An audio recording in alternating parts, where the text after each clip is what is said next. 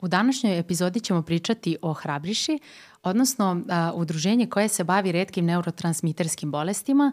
Takođe ćemo a, pričati o tome sa, čim se, sa kakvim problemima se susreću porodice, a, sa kakvim problemima se susreću zdravstveni radnici i koja su potencijalna rešenja. Sa nama je danas Ivana Badnjarević, predstavnica udruženja Hrabriša.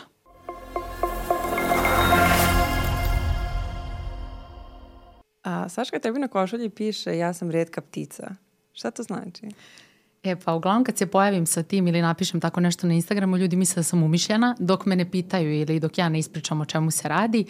I u stvari to je slogan koji sam ja osmislila, to mi je palo na pamet, um, da bih podigla svest o redkim bolestima kojih ima dosta, a generalno malo se priča o tome i jako redko i um, ja sam i lično i profesionalno uh, involvirana u redke bolesti. Uh, imam bratanca koji ima dve godine, uskoro će dve godine, koji ima redku bolest i upoznala sam takođe još baš dosta dece i ljudi sa redkim bolestima, tako da sam rešila da malo više potižem svest na tu temu. Tako da, eto, ukratko, zašto stalno nosim to i drago mi je kad, ljudi, kad me ljudi pitaju šta je, jer onda pokrećemo temu. Jeste dosta interesantno i lako se pamti, tako da i on upada u oči. Da, definitivno. um, redke bolesti su bolesti koje zahvata baš mali deo populacije. Imamo danas gošću, Ivanu... Badnjarević. Hvala. uh, koje ispred udruženja Hrabriša, ali takođe i da podeli svoju priču, pošto ima dodira sa rekim bolesti, bolestima u privatnom životu. Tako da Ivana, ja bih tebe pozvala da nam se predstaviš i da kažeš nešto o svom udruženju kao i da podeliš svoju priču sa nama. Da, ovaj, pa hvala ti da i, i ja sam redka ptica. ovaj, šalim se, sviđa mi se kako je Saška to uh, osmislila. Uh, mi u Hrabrišama smo redke ptice. U stvari, udruženje Hrabriša okuplja porodice um, koji imaju decu sa redkim neurotransmiterskim bolestima I da, to je, ovaj, kad kažete redka bolest, uh, samo po sebi ne znači ništa. Um, statistika kaže da je, odnosno definicija da uh, je redka bolest ona bolest koja pogađa najviše pet osoba na populaciji od 10.000, ali opet ni to po definiciji ne znači ništa kada bolest može da se desi jedna u milion ili jedna u više miliona i onda tek osobe koje imaju redku bolest uh, shvate koliko je to ovaj, uh, specifično, uh, jedinstveno, koliko nosi izazova pri diagnostici, pri lečenju i slično, ali ovaj, u svakom slučaju makoliko to bilo teško, mi u Hrabriše biramo da se hrabro nosimo sa tim i više mi se sviđa kada neko kaže mi smo redke ptice i ovaj, sa takvim stilom i takvim narativom pristupa redkim bolestima, nego ovaj, da govorimo mi smo udruženje koje se bavi redkim neurotransmiterskim bolestima i to su bolesti koje su to i to i nekako to ode u neki kontekst ovaj, donese neku dodatnu težinu koja nije neophodna. Jes nam teško svakako, mislim ne možemo reći ono koja strava ima redke bolesti. Nije, ne, nema tu ništa super strava, ali ovaj, ima taj deo uh, na kakav način se sa time suočavamo i eto kaže negde u Hrabriši smo htjeli pokazati da može da postoji uh, optimizam ovaj, i u toj borbi i negdje nas je slična tema ovaj, u stvari upoznala i, i izbližila i meni je mnogo drago kada vidim ljude koji uspevaju tako i sa osmihom da pričaju o teškim temama i ne samo to nego da ovaj, unesu dozu optimizma, snage, e, nauke i želje da se e, stvari e, pomere na bolje. E sad, pomenule smo redke bolesti i to sad zvuči da jako mali broj ljudi ima, mm -hmm. kako smo to ispričali, međutim, koliko ja znam podatak, u Srbiji postoji 500.000, odnosno pola miliona ljudi i dece sa redkim bolestima i to uopšte nije mali broj, samo je najveći problem u tome što su sve te bolesti različite i to je ono što postoji od 6 do 7 hiljada redkih bolesti različitih. Sad ne znam, ispravi me ako da, grešim. Uh, pa, to je nešto to, to negdje, da.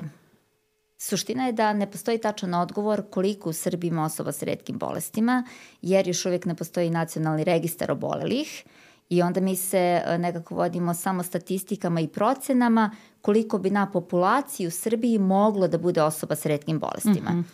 Da li je to 350.000 ili 500.000, nekako kada kažete 350.000, da, Novi Sad ima toliko stanovnika možda sad i više, ali ne znam, po nekom popisu mm -hmm. 350.000, to zvuči mnogo, ali stvarno kada se pogleda da uh, pojedinačno o, oboljenja su jako različita, onda se stvarno osobe sa redkim bolestima s pravom osjećaju usamljene u svemu tome i u tom smislu jesu redke, mm -hmm. ali da, uh, čitava uh, ideja zbližavanja i udruživanja osoba sa redkim bolestima u udruženja i u saveze uh, je upravo iz toga što iako su oboljenja različita, slični su problemi i nekako je dobro udružiti snage i boriti se zajedno sa tim problemima. Ono što sam ja propustila da kažem Jovana kada si me ovaj pitala, rekla sam o Hrabriši, ali nisam rekla otkud ja u udruženju. E, moja priča e, je u stvari isto lična. E, moja čerka e, ima redku bolest i kada je ona rođena pre 10 godina, bilo je vrlo teško utvrditi diagnozu. 14 meseci je trajala ta naša diagnostička odiseja. Pa onda kada je konačno utvrđena diagnoza, uz jedan ozbiljan aktivizam i uključenost nas kao roditelja i u saradnji sa ljekarima, ali nekako je sve išlo onako teško, kažu kao bos po trnju, ovaj, onda je nastupilo lečenje. Pa ni sam postupak lečenja nije jednostavan ni lak i imate osjećaj da niko ne dili tu priču, ne znate koga da pitate, kome da se obratite i to je stvarno teško.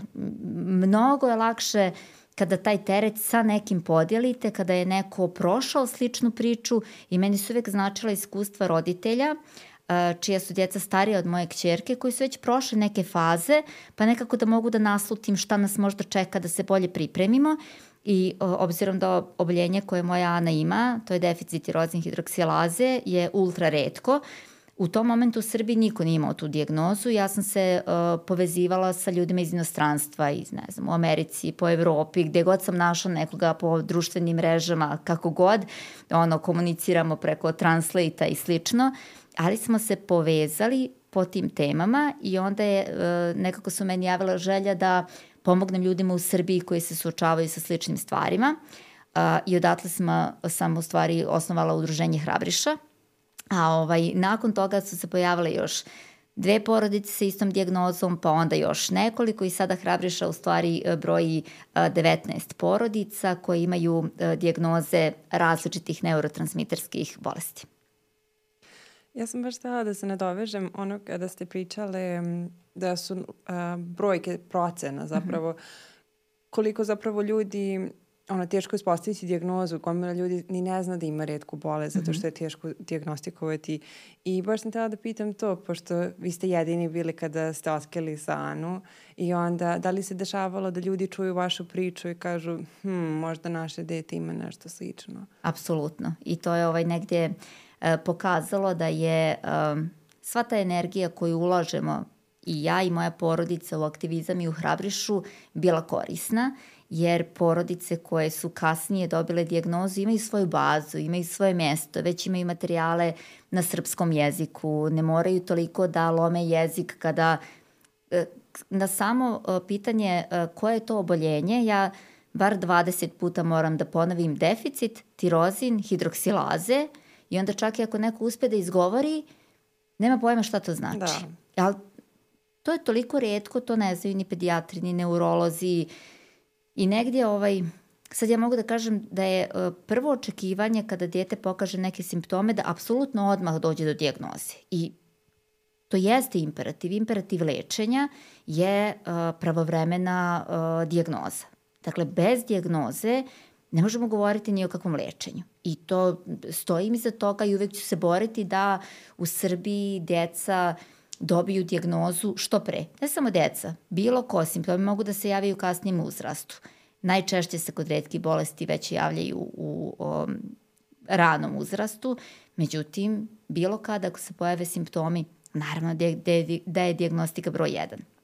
I ovaj, negdje je važno um, upravo to što si pitala da porodice već znaju da je takvo nešto bilo, da postoji, da dobiju materijale, pa onda mogu da sugerišu uh, svom neurologu, recimo, znate, uh, da li bismo mogli provjeriti neurotransmiterske bolesti, ukoliko se sam doktor ne sjeti.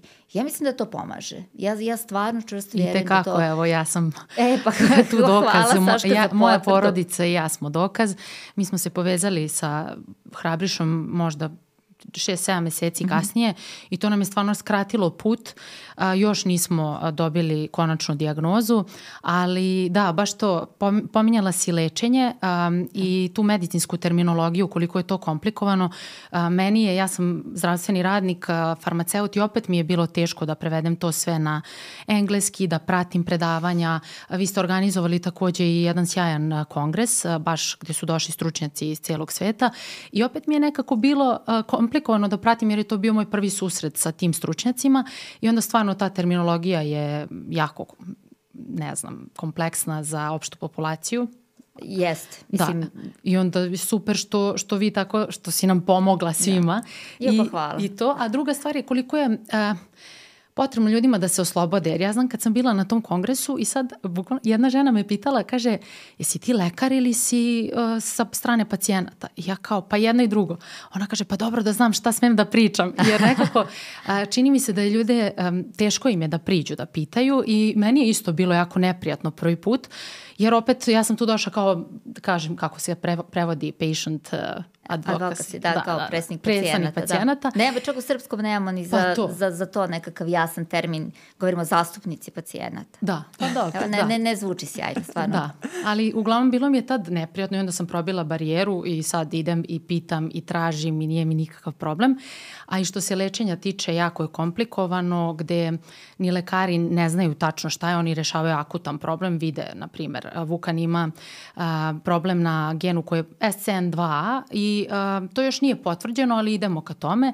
On je povezan sa epilepsijom, onda spektrom autizma i tako dalje. Sada, uglavnom, da, kad bude potvrđeno, onda ću da pričam. Uh, A, I onda su mu tako na početku davali tu terapiju empirijski, odnosno iskustveno i onda je tu bilo raznih stvari i grešaka, i, ali sve iz najbolje namere. I sada negde idemo nekim boljim putem, a, da kažem, isključeni su mu neki lekovi, on je sve bolje, ok, teško je, da postoji neki ostatak za sad i mi ne znamo u kom će pravcu to ići, ali mnogo je lakše kada znamo da nismo sami. Mm -hmm. Jer kad smo mi prvi put videli kuda to ide i da je to u stvari neki gen, mi smo mislili, ono kad tražiš, pretražuješ, osjećaš se da si usamljen i sad čak ovaj gen nema nikog trenutno u Srbiji da je mm -hmm. potvrđeno, međutim, opet znam koga da zovem, zovem Ivanu, zovem a, razne ljude iz udruženja takođe i onda nekako smo opet pronašli neki lakši put i sad u uh,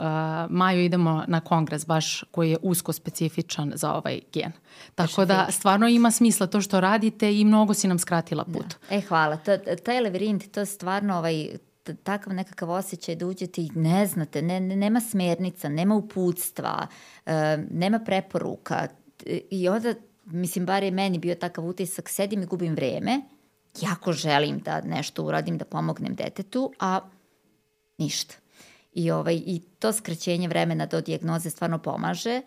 Ovaj, to je jedna stvar, uh, iako i sama si rekla sad, a ima veze i sa pitanjem koliko ima redkih bolesti. Uh, istraživanja, genetika, to je -hmm. toliko nekako neistražena i nepoznata oblast da um, ta kao baza oboljenja se, se više i više Tako proširuje. Je, da, U da. smislu da. uh, za nekakvu mutaciju ili varijantu gena će se Mnogo. Ako ima, recimo, nekoliko djece da imaju istu kliničku sliku i da se pokaže da nose istu mutaciju, koja nije bila prepoznata kao patogena. Znači, nije se znalo šta ona radi u organizmu, ali sa većim brojem pacijenata koji pokazuju istu kliničku sliku, će se i ta mutacija uvrstiti u neku grupu oboljenja, jedna od njih može biti redka bolest, tako da ono, da li neko ima redku bolest ili nema, vrlo je teško odgovoriti na pitanje i koji je broj redkih bolesti, to isto ovaj pitanje bez... Ja, ja trenutno ne znam da ga odgovorim, ali nešto ne znam ja, nego ne znam mnogo ovaj da. veći stručnjaci i poznavaoci. Tako da ovaj, to pitanje jeste nezgodno i jako je nezgodno kada vam stigne nalaz recimo nakon sekvenciranja ili bilo koje druge analize koji govori sve i ništa. Uh -huh. koji kaže da, evo, analiza je urađena, sve što se može uraditi u ovom momentu u svijetu je urađeno i našli smo neku varijantu i ne znamo da objasnimo što ona radi.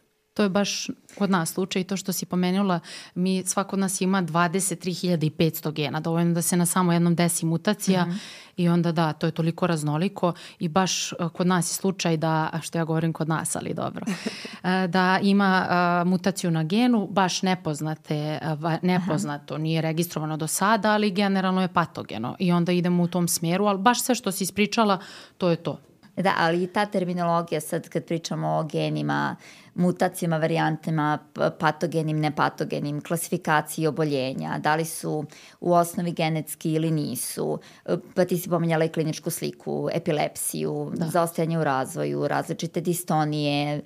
E, riječnik se obogati, ja do pre 10 godina, ja ovo sad što sam izgovorila u zadnjih 20 sekundi, ja ne bih znala da pročitam. Zamucala bih sigurno, A sad ne samo što umem da izgovorim, nego ja razumem šta to znači. Ali uh, hoću da kažem da običan roditelj, prosječan roditelj, kada mu dijete ima nešto od ovih simptoma, ne mora ovo da zna. Želim zdravstveni sistem u kome zdravstveni radnik se bavi ovim pitanjima. Jer ja, uh, kada sam, recimo, googlala simptome, moja čerka imala različite vrste neuroloških simptoma, Ja sam pokušavala da saznam šta je to. Meni su neki njeni pokreti očima ličili na epilepsiju, pritom to je bio prvi susret sa pojmom epilepsije. Ja sam onako vrlo naivno, banalno ukucala okretanje oči unazad. Znači, ne, ne znam kako da opišem tu okulogirnu krizu koja je nevoljni pokret gde očne jabučice stvarno idu na gore i u stranu. Ja nisam znala kako da to napišem. Nisam znala na srpskom, nisam znala na engleskom, nisam znala odakle da krenem a niko mi ne govori šta je u pitanju, samo vidite po zabrinutim licima da. doktora da nešto jako nije u redu. Ili recimo za ovaj distoniju, za tremore, da, ja sam dist... tako pisala Ne, ne mogu sad već da se sjetim, nešto iskreće ruku, okreće. Da, opušteni mišići, nešto, pa hiper. nisam znala šta znači um, distonija, mioklonije. Ne, I onda nekako s vremenom to kreće da se otvara, ono, mislim, hvala Google-u, Ja recimo kad sam uh, od 2013. počela time da se bavim, pa sam kroz nekoliko godina upoznala jednu porodicu iz Makedonije uh, i taj dječak Petar je 13 godina stariji od moje čerke. Ja sam samo zamislila, znači 13 godina unazad, to je bilo vreme i, bez interneta, i bez neke ovako komunikacije, znači sad postoje i neke raz, platforme, mogućnosti, oni nisu imali mogućnost komunikacije, povezivanja i networkinga kak, kakvu mi sada imamo. I baš me nekako ovaj, kad pomislim koliko je možda meni bilo teško, sjetim se da stvarno je bilo onih kojima je bilo još izazovnije, da. ali je ovaj, i dalje imam tu želju da pomognem ostalima da njima taj diagnostički put bude brži. Ono što se dešava kada se jave porodice koje uh, recimo dobiju dijagnozu redke bolesti, svi želite dijagnozu da bi liječenje bilo uspješno, što je potpuno prirodno, ali ne dešava se to uvijek. I onda je recimo čak i taj teret uh, saopštavanja loših vesti prebačen porodici da se sama nosi sa tim. I onda oni traže pomoć u udruženjima. A ni u udruženjima nismo dovoljno stručni uh, porodice su različite, roditelji su različiti. E, meni je, na primjer, uvek teško prepoznati kakav je nečiji senzibilitet i makoliko se ja trudila da ja usvojim neka nova znanja i vještine kako bih imala bukvalno te vještine da nekome pomognem da se nosi sa tim, a da mu ne učinim da mu je to još gore i teže, ovaj, nedostaje nam i taj segment jer to je negde onako lečenje porodice. Tako je, psihološka podrška, podrška porodici. Da, kada dobije dete dijagnozu redke bolesti i ukoliko ne postoji nikakva terapijska opcija ili ne postoji lečenje koje će sigurno dovesti do dobrih ishoda, to ta porodica je opet na početku i opet proživljava neke nove um, traume i meni je žao što u našem zdravstvenom sistemu to nije prepoznato kao važno. Slažem se. Ja sve vreme imam utisak kada istražujem da sam nadomak nečeg dobrog, od velikog otkrića i onda nam stigne nešto novo i onda opet iz početka razočaraš se, čitaš onda novu kliničku sliku, pa se još više istraumiraš i tako dalje. Tako da stvarno je potrebna psihološka podrška i po, da. prvenstveno da. roditeljima, pa onda okolna porodica kao što sam ja i mm -hmm. baš je ozbiljno to što Jest. si sad rekla, jer svaki put je svaki je novi, da kažem, udarac. E sad, usta, pokupiš se, ustaneš, ideš dalje, je.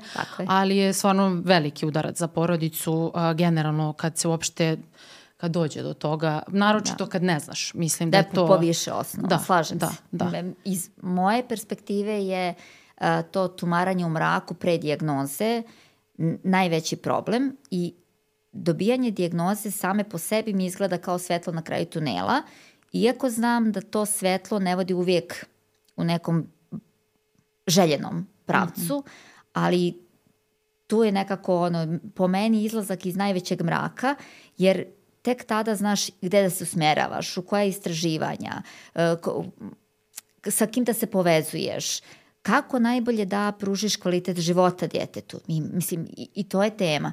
Ovaj, tako da, da, nekoliko, nekoliko tih linija je izazovno, ali ovaj, da nekako pokušam da, pokušam da sumiram sad ovo što smo razgovarali, problem je doći do dijagnoze, ne treba sve da bude na roditeljima i na porodici, treba nekako da se sistem probudi i da to što je neko u grupi redkih bolesti ili redka ptica ne znači da je poslednji u listi prioriteta.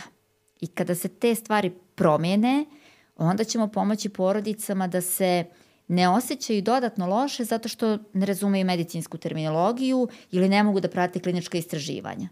Zašto bi to morao prosječan roditelj da zna? Absolutno. Nekako to je ovaj ja to pokušavam i svim porodicama da kažem, jer ljudi dolaze e, tužni po nekoliko osnova i još dodatno sebi nametnu taj teret, ali kao ja to ne znam. Ne, ne treba da znam. Tako da ovaj, to neka bude jedna od poruka koju mislim da roditelji ovaj, treba da čuju, da oni za to nisu krivi. E, zdravstveni sistem jeste kriv, jer nije dovoljno dobar. Da li je dovoljno dobar za ostale bolesti? Nije.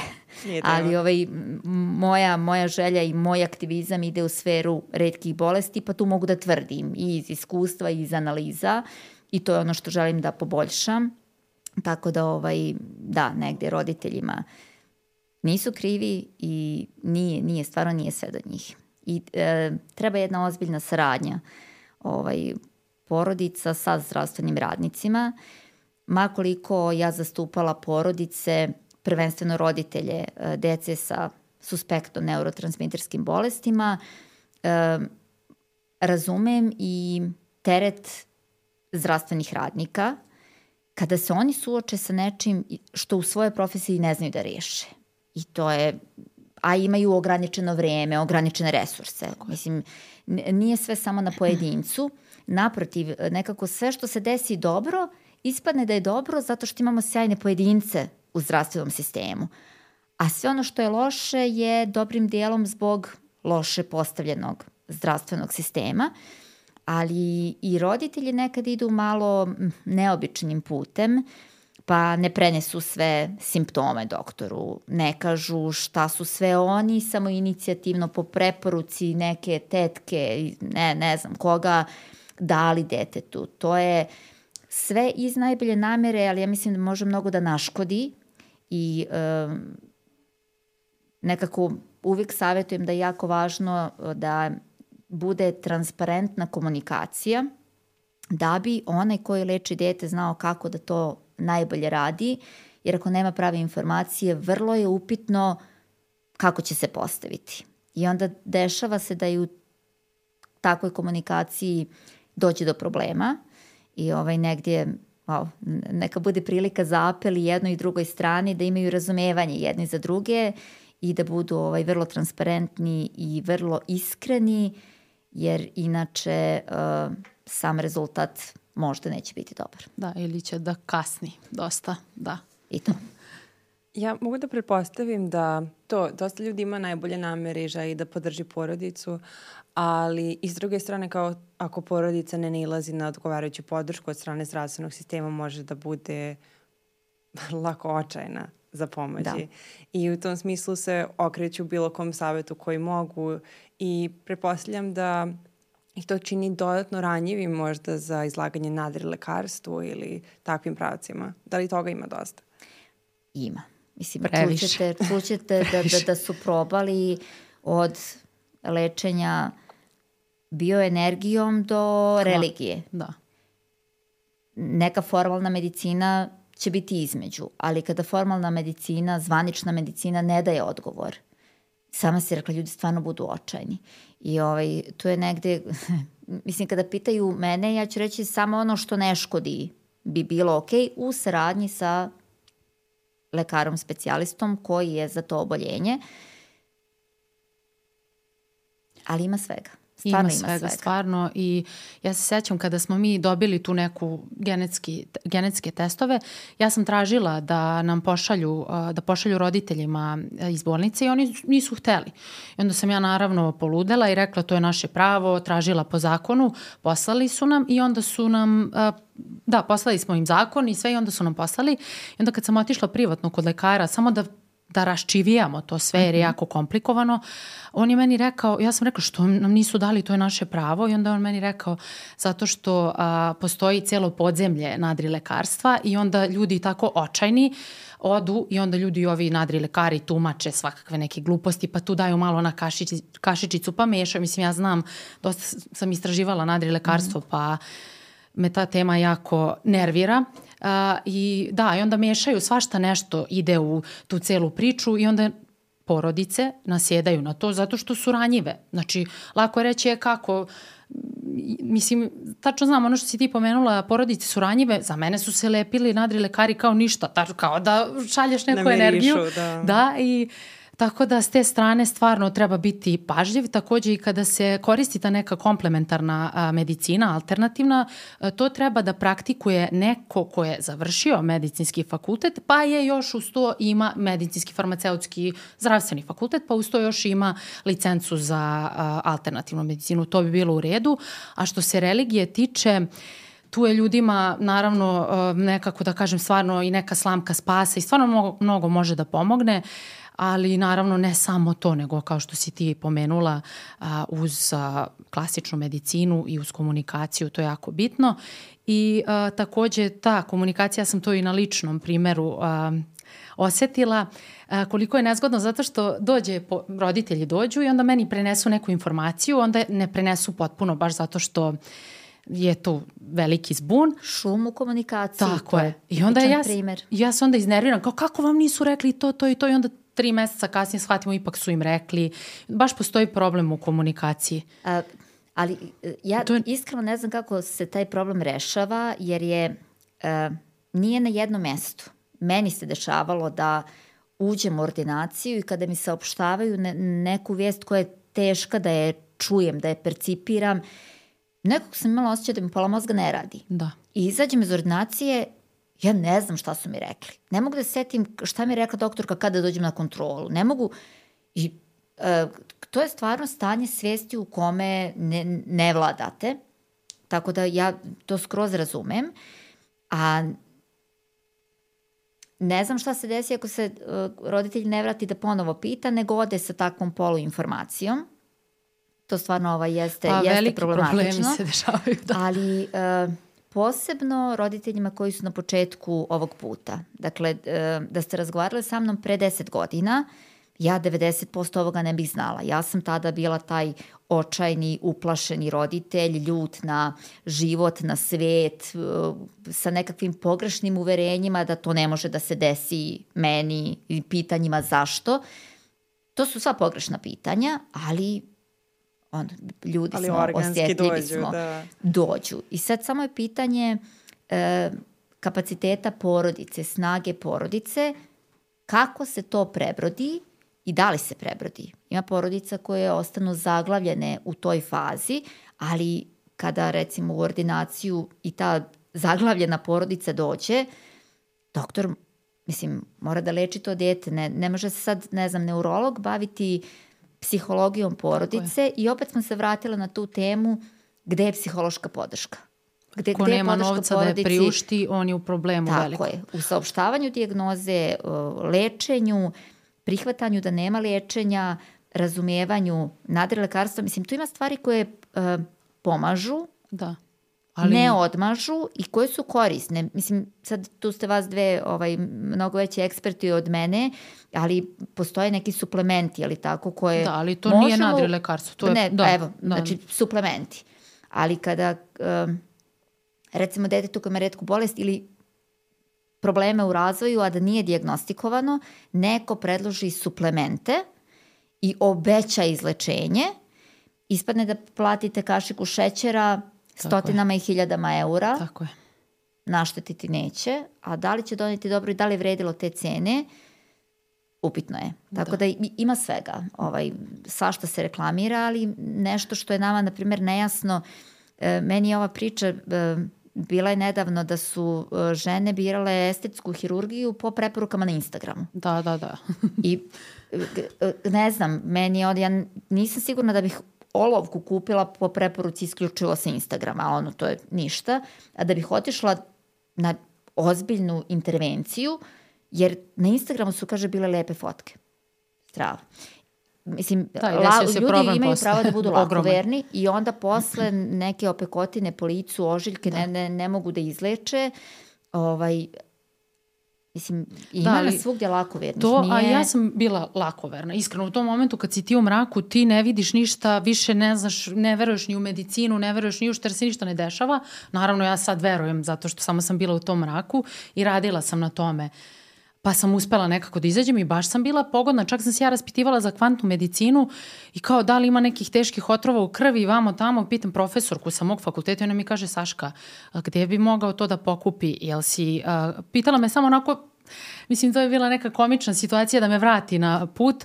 Kaže, odakle je mogao, je pio rumeno vino iz bakarnog, iz olovnog pehara i onda vratila me na put. Mislim, ne, mislim, ne mislim ja ništa loše o kvantnoj medicini, ali u ovom slučaju potrebno je prvo da se pronađe diagnoza, pa ćemo onda dalje. Ali kažem, u tim momentima kad je osoba ranjiva, porodica cela, to je jako lako za upecati se. Da, za... to, mislim, to da. je prostor koji je ciljan i ne znam kako sa tim da se borimo. Ne, ne znam ko Tako što sa tim pričamo, treba da se da, bori. mi, a trebalo bi država samo da. što sa nadri lekarima da se bori, ima i zakon o krivičnom delu, baš kaže, ne znam koji je tačno, ne osta, pričat ćemo i o tome, mhm. ali da ko pruža nesavesno uh, to lečenje, lečenje da zatvor od 3 do 12 godina u zavisnosti koliko je naštetio ili nije naštetio koliko je obmanuo nekoga. I to treba, mislim, samo što nigde nisam našla gde to može da se prijavi. Jer sve kao pišite ovom, pišite onom, ja sam pisala čisto onako malo da se informišem i za sada ni, nisu mi još odgovorili, ali ja sam jako uporna. Tako da, da eto kako ćemo da rešimo. to sa pravom je još posebna tema. Kada ste u polju redki bolesti, počnete baš da se bavite time pravo na dijagnozu, pravo na lečenje, pravo na odlazak u inostranstvo, pravo na ovo, na ono, na dodatne neke podrške, socijalnu zaštitu. Odjednom se uhvatite da sedite, čitate neke zakone, pravilnike, tumačite. Znači, stvarno porodice budu suočene da moraju biti eksperti u mnogo tome, a zaborave onu osnovnu ulogu da su oni tu da budu roditelji detetu, da ga vole, podržavaju, naravno da pomognu da se do dijagnoze dođe, ali ako se e, nađete u tom filmu da dane i noći provodite na internetu tražeći e, dijagnozu, čitajući kliničke studije, e, analizirajući zakone i pravilnike za, za prava i slično, prestaćete da budete zdrav, dobar roditelj, izgubit ćete lični identitet, izgubit ćete mnogo toga,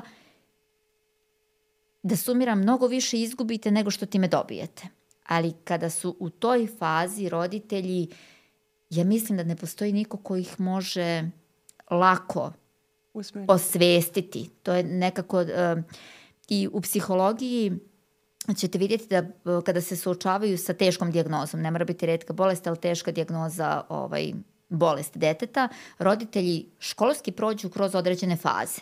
Ima faza neprihvatanja, faza ljutnje, faza tuge, faza sad, znači nekoliko dok konačno dok ne stigne ovaj ta faza prihvatanja i taj roditelj se zove um, razrešen. Kao uh, razrešenost roditelja prema mm -hmm. tome.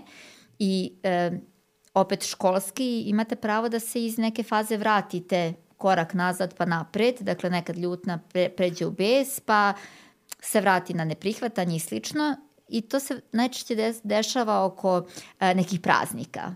Kada se očekuje, um, ne znam, za rođendane nove godine, kada uh, prosto ta, ta neka porodična atmosfera, um, muzika sa svih strana, očekuje se da se u porodici dešava nešto lepo, onda roditelji nekako pljusne taj talas kao ja, svima je lepo, a ili recimo polazak u školu. Svi kreću u školu, moje dete ne hoda, svi nešto, moje dete ne može. To je teško, tako da se te faze vraćaju, ali razrešeni roditelji znaju brzo da izađu iz te faze. Tako da postoje stvarno školski primjeri i ovaj, bilo bi divno kada bi ovo znali svi doktori i kada bi opet magično mogli da prepoznaju u kojoj fazi je porodica, jer različitim tipom komunikacije u odnosu na fazu možete najviše pomoći porodici. Slažem se i to je, da kažemo, bolest cele porodice. Tako je, tako je. I, I ne, naravno da. najviše roditelji trpe, najviše i tu nema, to je najveći teret Jest. je na njima, Jest. na vama. Da. Ali i, i okolin, fizički, tako i je. emocionalni, i psihološki, jest. I sad ponovit ću to da ste pričala sa mnom pre 10 godina, niti bih bila ovako mudra, niti ovako optimistična, niti ovako razrešena, ali ovaj, to je proces i um, kako naši pacijenti prolaze taj proces tranzicije iz pedijatrijskog u adultno doba, pa ono, danas je kod pedijatra, sutra treba kod adultnog ljekara i treba pripremiti ovaj za, za prelazak. Tako i roditelji uh, prolaze neku fazu, odnosno tranziciju od toga da su samo roditelji, ka tome da budu, opet nemamo ovaj, um, dobru reč na, na, na srpskom, no, caregiver, znači da. staratelji. Da. Zvuči ružno, ali stvarno jeste neko da. ko pruža nego i ko se stara ovaj, o boleloj osobi ili da preću na naredni korak da budu aktivisti ili patient advocates. E, da. E, to je izbor. Ne moraju svi roditelji to da budu. Ne, ne mora svako da se bavi aktivizmom, da osniva udruženja, da... To je opet stvar Izbor, želje, ličnih je. izbora, afiniteta, mogućnosti, kapaciteta i slično. I ja ovaj, sam negdje zahvalna mojoj porodici koja prepoznaje ove moje želje za aktivizmom kao važne koliko i ja, pa ovaj, mogu da se dodatno, pored moje lične profesije, bavim i aktivizmom, jer ja smatram da je jako važno i to negdje, ovaj, kada čujem da smo pomogli bar jednoj porodici da dete dobije dijagnozu, da dobije lekove, da, da dobije nešto, ovaj, meni je to, ja ne znam, da sam osvojila na lotu, kao da sam uspjela nisam ranije mogla da postavim tu ljestvicu tako visoko koliko meni to nekako čini i onda ovaj, baš bi mi bilo žao da, da nisam u mogućnosti da se ovim bavim. Ali hoću da kažem, ovaj, roditelji koji slušaju se nekad mogu pogrešno postaviti u, u, u situaciju da se od njih očekuje da se od njih očekuje da poznaju diagnozu, da se očekuje da poznaju psihologiju, da se očekuje da budu fizioterapeuti, logopedi, radni terapeuti, da razumeju taj lek, ono, njegov sastav, šta je, kako je, kako djeluje, kako se metaboliše, da budu zastupnici, da znaju pravo i mislim, kad vam neko to tako servira, da li znate nekoga ko to stvarno može da radi tako dobro, a pritom da ne zaboravi sebe, da e, mame ne zaborave da nisu samo mame, nego da su supruge, sestre, čerke, roditelji drugoj djeci ukoliko, ukoliko ih ima više u porodici, da su e, profesionalno angažovane, da su da imaju neku svoju karijeru, baš je mnogo teže ovaj, sve to vratiti na neki zdrav put kada imate dete koje ima redku bolest. To iz iskustva mogu da tvrdim. Ne, zvuči kao enorman, enorman pritisak na porodicu i pojedinca. Da. I pogotovo kao zvuči kao jedan pritisak na porodicu koja ona ima i finansijski i obrazovni kapacitet kao da isprati sve to, a kamoli za porodicu koja to nema i ne može uopšte da kao pojmi šta se doš, dešava. Da, to, to, to si baš lepo rekla. Ali pričali smo o porodici, a, a možda bi bilo interesantno da se dotaknemo i kako je zapravo pojedincu koji ima redku bolest. Mislim, Vukan ima samo dve godine, da, da bude dosta mali, ali vaš, tvoja čerka već ima deset. Kako je da. njeno putovanje kroz sve ovaj, to? je moja omiljena tema postala u zadnjih par godina, e, zato što u cijeloj ovoj priči se mi često uh, bavimo sobom i kada govorimo o detetu, uh, govorimo najčešće o tome šta sve dete ne može. Zbog oboljenja ne može da hoda, ne može da govori, ne može da guta, ne može da, ne mogu da je okupam, ne mogu, i sve je negativno, a to dete odrasta tu pored nas. I ovaj, ja uh, se vrlo trudim da informišem porodici i da podignem svest o tome da bez obzira na dijagnozu, dete je pre svega tu, živo, voljeno i treba da veruju u sebe i u svoje kapacitete, koliki god oni bili. I da e, to kako se mi obhodimo prema samoj bolesti se u stvari širi, tako će da nas prihvati i društvo. I mi smo izabrali da o, o dijagnozi koju moja čerka ima, sa njom pričamo otvoreno, u skladu sa njenim uzrastom i sa njenim razumijevanjem i uh, njoj je objašnjeno da ona ima redku bolest. Uh, ona kaže ja zbog toga nemam energije, a kada popijem lekić, onda imam energije, jer stvarno njena bolest je takva da zbog u osnovi genske mutacije ne sintetiše dopamin u mozgu, kada nema dopamina, nema pokreta, odgovoran je za sve i svašta, tako da ona stvarno pre lečenja nije mogla ništa i ovaj, ona odrasta znajući da ima redku bolest. E, sada je počela čak da uči mene, e, pa mi pomaže da ja predstavim oboljenje, da ne pričamo o dopaminu, sintezi, to nikome nije interesantno, nego kaže, e, to je kao kada u mozgu nestane struje, što zvuči fenomenalno ovaj, da se prepriča, ili još bolje ovaj, kada nema internet konekcije. Jel tako? Znači, sa dve strane nešto postoji, nema internet konekcije. E, moja moja prethodna metafora je bila kao e, mobilni telefon koji nije napunjen. A. E, zato što ukoliko ga ne napunite, imate telefon koji ne može da funkcioniše onako kako želite ili onako kako bi trebalo kada je napunjen. I sad ja namerno nisam izgovorila koji ne radi, koji je loš, koji ne funkcioniše, nego u duhu toga da kada govorimo o detetu, govorimo ono što dete može. To pomaže deci da uh, budu svjesni sebe, da se oni sami ne povuku. I recimo ovaj, meni je to mnogo važno pošto moja čerka pije lekove trenutno četiri puta dnevno, a bilo je ranije i šest puta i to znači da treba da popije lek kada je u školi, u vrtiću, u boravku, na rođendanu, na igralištu. I mi smo to vrlo transparentno komunicirali da to nije ništa sakriveno, to je jedna tabletica koju ona proguta, nastavi dalje da se igra, i kome pita, vrlo rado objasnim šta je u pitanju i e, čitavo njeno odeljenje, 30 đaka, je naučeno da imati redku bolest nije strašno. E, naučeni su da postoje ljudi koji odrastaju među njima koji imaju redku bolest. Naučeni su da oni možda imaju neke potrebe da je važno da se gleda na sat i onda recimo kad se vrate s velikog odmora, ako ona nije popila lek, 30 malih pomoćnika diže ruka učiteljice, Ana treba da popije lek. Dakle, oni pomažu njoj da ona odrasta zdravo, a ja verujem da ona pomaže, ona njima, pomaže njima da znaju da to nije drama.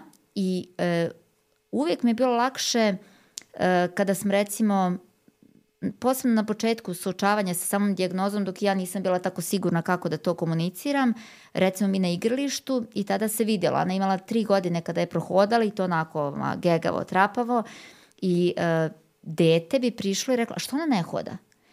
I sad ja kažem, pa ona ne može još uvijek da hoda, možda će moći, ali dok ne bude mogla, možete da se igrate, ona će sediti u kolicima, dobacivaće ti loptu, to može, je li ti okej okay, takva igra? Kao, da, super može. A roditelji su bili, ma nemojte da pitamo ništa, oni su se sklanjali i meni je to jako smetalo. Meni bi bilo drago da su u tom periodu ovaj, ti roditelji bili dovoljno, dovoljno sigurni u sebe da se ohrabre da pitaju, jer samo ako komuniciramo, ako delimo jedni s drugima, nekome ćemo u tom nizu pomoći. Dakle, ja bih možda prenijela e, nekoj mami na igralištu, ona bi svojoj kumi, a ta kuma možda ima komšenicu čije dete ima nekih razvojnih problema, pa će se nekako povezati, znaće kome da se obrati, čuće gde je klinika za diagnostiku, gde su roditeljske ovaj, organizacije, udruženja, gde je podrška i samim tim smo nekome pomogli, ali prvenstveno pomogli mom detetu da odrasta zdravo, da prihvati to svoje oboljenje najbolje što može i Druga stvar koja mi je nekako postala važna, za redke bolesti se vrlo interesuju mediji. I to je dobro, to je jako dobro, u medijima treba da govorimo jer tako samo široko, ovo moja jedna priča sa jednom mamom e, sa igrališta postaje mnogo veća i jača kada je prenesu mediji, ali mediji traže da... Ekskluzivu. Ekskluzivu. Senzacija. Traže toplu ljudsku priču. Traže dete koje je bolesno, ali nije baš jako strašno bolesno na oko, koje je fino ono, catchy, da se ljudi uhvate. Traže mamu koja lepo priča, ali da ne bude neka mama naprilitana, divna, sjajna. Da traže da se vidi tuga, ali da se ne vidi bjeda i siromaštvo. Da... Ja vrlo često odgovorim da mi takve priče nemamo. I e, ja moju čerku pitam, ako ona želi da govori, super, može i onda priča iz svoje perspektive kako ona to vidi i to je to. A kada ne želi, kada joj nije baš do medija, kažem, ja mogu pričati roditeljsku stranu, ali ovaj, ona ne, ne želi da učestvuje i stvarno e, ljudi to poštuju i mislim da je to važno. Te odluke da nekoga ne prikazujemo u najosjetljivijem ono, snimaju decu koja koriste, koje su na respiratoru ili mm -hmm. koncentratoru kiselnik, pa onda je jako važno da se vidite neke mašine koje nešto bipću. Mislim, zbog čega? A to je eksploatisanje najranjivijih. E, to pomaže da se poruka prenese i, i meni je to jasno, ali s druge strane, ovaj, ako govorimo o tome kako to prihvataju deca koje imaju redke bolesti ili odrasli koji imaju redku bolest, mislim da moramo biti ovaj, dosta pažljivi Tako i kako komuniciramo. Uvek kako komuniciramo, pitati za saglasnost, da govorimo o nekoga ili da nekoga snimimo. Poruku je važno prenijeti, tu se moramo složiti, jer ako te porodice ostanu izolovane i niko ni o čemu ne priča, onda je to ovaj, lošije. Ali evo, ja sam izabrala da pričam, da ne krijem da moja čerka ima redku bolest. Mislim, trenutno svi svi. Više ljudi o meni zna da mi čerka ima redku bolest, da vodim udruženje, nego što znaju da si završila ja. Pa ne, ne, ne, neke moje ovaj, da. stvari koje bi bile u fokusu da ovaj da nemam čerku koja ima redku bolest i da me ovo ne interesuje u nekoj sferi aktivizma i želje da sad ne mogu reći da promenim svet, jer pa vrlo je jasno menja. da se to neće desiti, ali da hoće. promenim onaj delić na koji ja mogu da Tako utičem je. i meni je to savršeno dovoljno. E, a da uporedo sa tim um, ne dovede moju čerku u situaciju da, je, da sam joj ja napravila nekakav negativan narativ, već da sam joj pomogla da je osnažim i uh, trenutno su sve procene ne samo moje, nego i psihološke, uh, govore da ona izrasta u jednu samouvjerenu, snažnu ličnost i da o svojoj redkoj bolesti zna lepo da priča, da se ne osjeća ni u jednom segmentu ograničeno, diskriminisano ili drugačije, nego da je to dio njene ličnosti koji je ono, kao što neko ima različitu boju kose, ona tako doživljava i tu njenu potrebu da popije lekić i meni je to ono, naj, najdivniji, najzdravniji način uh, na koji je mogla da se nosi sa tim. Ne, to je apsolutno izuzetno kao, zato što to, kad, na primjer, spomenula si u medijima, to se često se, da bi se prenela poruka mora da bude tužna priča, mora da dotakne nekog i kao ljudi očekuju da je to, da, su, da se ne završavaju sa srećnim krajem ili kao da nisu srećne pozitivne priče, tako da je stvarno veoma ohrabrujuće čuti da kada se uloži puno truda i komunicira se poruka, da to stvarno može da vodi u nekom zdravom smeru. Ali ono što mi je palo na pamet kada se pričala, kao deca nemaju ono, nije, nije blam da pitaju, ali roditelji su ono, ne, nećemo da. pitamo. Mislim da je jako teško ono, uh, pokazati zainteresovanost, a s druge strane ne gurati nos u tuđe posle. Kao. Tako je. Tako je. Tako je, granica je vrlo pipava i nejasna. Da. I ljudi je... često okreću glavu baš zbog toga jer misle da je to da. teška da. tema. I ono što, s čim sam se ja susrela kad generalno pričamo o tim teškim temama, mm -hmm. kako se to sada gleda, uh, ljudi uglavnom kažu, jao, ne daj Bože nikom. Da. To nije tačno. Ja sam, uh, to što se Vukan rodio, nema te škole, nema to, te osobe, tog učitelja koji me naučio za dve godine, to što je ceo taj put s njim. I on je toliko nasmejan, toliko je srećan, ok, to je što si ti rekla, uh, teško i ne pričati o tome šta on ne može, pogotovo ok kad moraš da pričaš sa zdravstvenim radnicima, ali generalno hajde polako da vidimo šta može. Da, ali to, to mi je ono ostalo negde urezano, ne daj Bože nikome, ne, to ne treba tako da gledam, oni su, uh, da, i ljudi često ne znaju kako da se ponašaju i kako da oslovljavaju uh, te, tu decu, te ljude. I onda sam ja skoro bila na jednom uh, koncertu uh, a, inkluzivnom koncertu mm -hmm. i tu je taj čovjek koji je vodio je samo rekao to su deca sa posebnim blagoslovom, deca i ljudi. I meni je to ostalo tako i onda najlakše na taj način, to i redke ptice, da. pošto znam da je ljudima neprijatno, ne zato što oni to namerno rade, nego jednostavno ne znaju ljudi da se nose sa tim i ta okolina i sve, ja sam to doživela i na svojoj koži da meni prijatelji ne mogu da me pitaju šta i kako, zato što ne znaju kako da priđu tome, tako da razumemo i tu stranu, zato, zato smo tu da pričamo o tome i da pro, podignemo svest, da proširimo te informacije, jer kao nije to toliko, teško jeste, znači niko neće da umanjuje težinu, ali nije tužno uvek, a, ne treba da okrećemo glavu od toga i kažem, oni su često, ja sam na tom a, kongresu upoznala baš puno dece i ne znam, baš sam bila oduševljena sa tim što oni mogu i kako mogu da ti promene perspektivu. Jer jedno je kad ti čitaš o tome, slušaš, učiš, a drugo je kada ih upoznaš i kada želiš da ih upoznaš i kada čuješ i njihovu stranu priče. Tako je, tako je. Jeste izazovno, to je, ovaj, to je apsolutno tačno. Uh, isto tako imaju pravo da biraju na kakav način sami doživljavaju, uh mhm. -huh. ali negde i terminologija se menja. Ranije su govorili djeca sa posebnim potrebama da. i to je bila formulacija u zakonima, u medicinskoj dokumentaciji, neko se smatrao detetom sa posebnim potrebama. E, sada sve više koriste e, tu frazu e, djeca sa poteškoćama u odrastanju ili sa poteškoćama u razvoju, što je tačno. Da, da, ali nekako mi je ono blaže tačan, zvučalo, ne znam zašto. Sa smetnjama u razvoju? Ne, šta smo rekli sa prvo? Sa posebnim potrebama? Da, posebnim potrebama. Da, ali to mi mislim, nekako... možda zvuči blaže, ali mislim ima dosta negativne da, konotacije da, da, da. kada se to kaže. Da, jest, oni ne vole da čuju da imaju posebne potrebe, da, da, da, jer kao jest. nama su potrebe iste potreba Ljubav, da budemo voljeni, da, da mislim sad ako ono krenemo od piramide zadovoljavanja potreba, uh, nemaju posebne, imaju iste potrebe, ali imaju uh, poteškoće u razvoju i uh, taj deo je tačan I tu treba sad otvoriti pitanje inkluzije i podrške. Ovaj, um, Da li, da li možeš reći iz tvog ugla šta je inkluzija? ovaj, pa mogu. O, ne volim definiciju mm -hmm, inkluzije, samo... zato što ovaj, m, kada nešto na silu guramo pod kapu inkluzije, onda u stvari dobijemo negativan kontekst. E, po meni inkluzija, ovo upravo malo pre što sam govorila, način na koji mi prihvatamo različitosti i koliko pružamo podršku. Ja nemam bolji primer inkluzije od toga i ovaj, um, ono na čemu mislim da treba da se temelji je jedna otvorena komunikacija.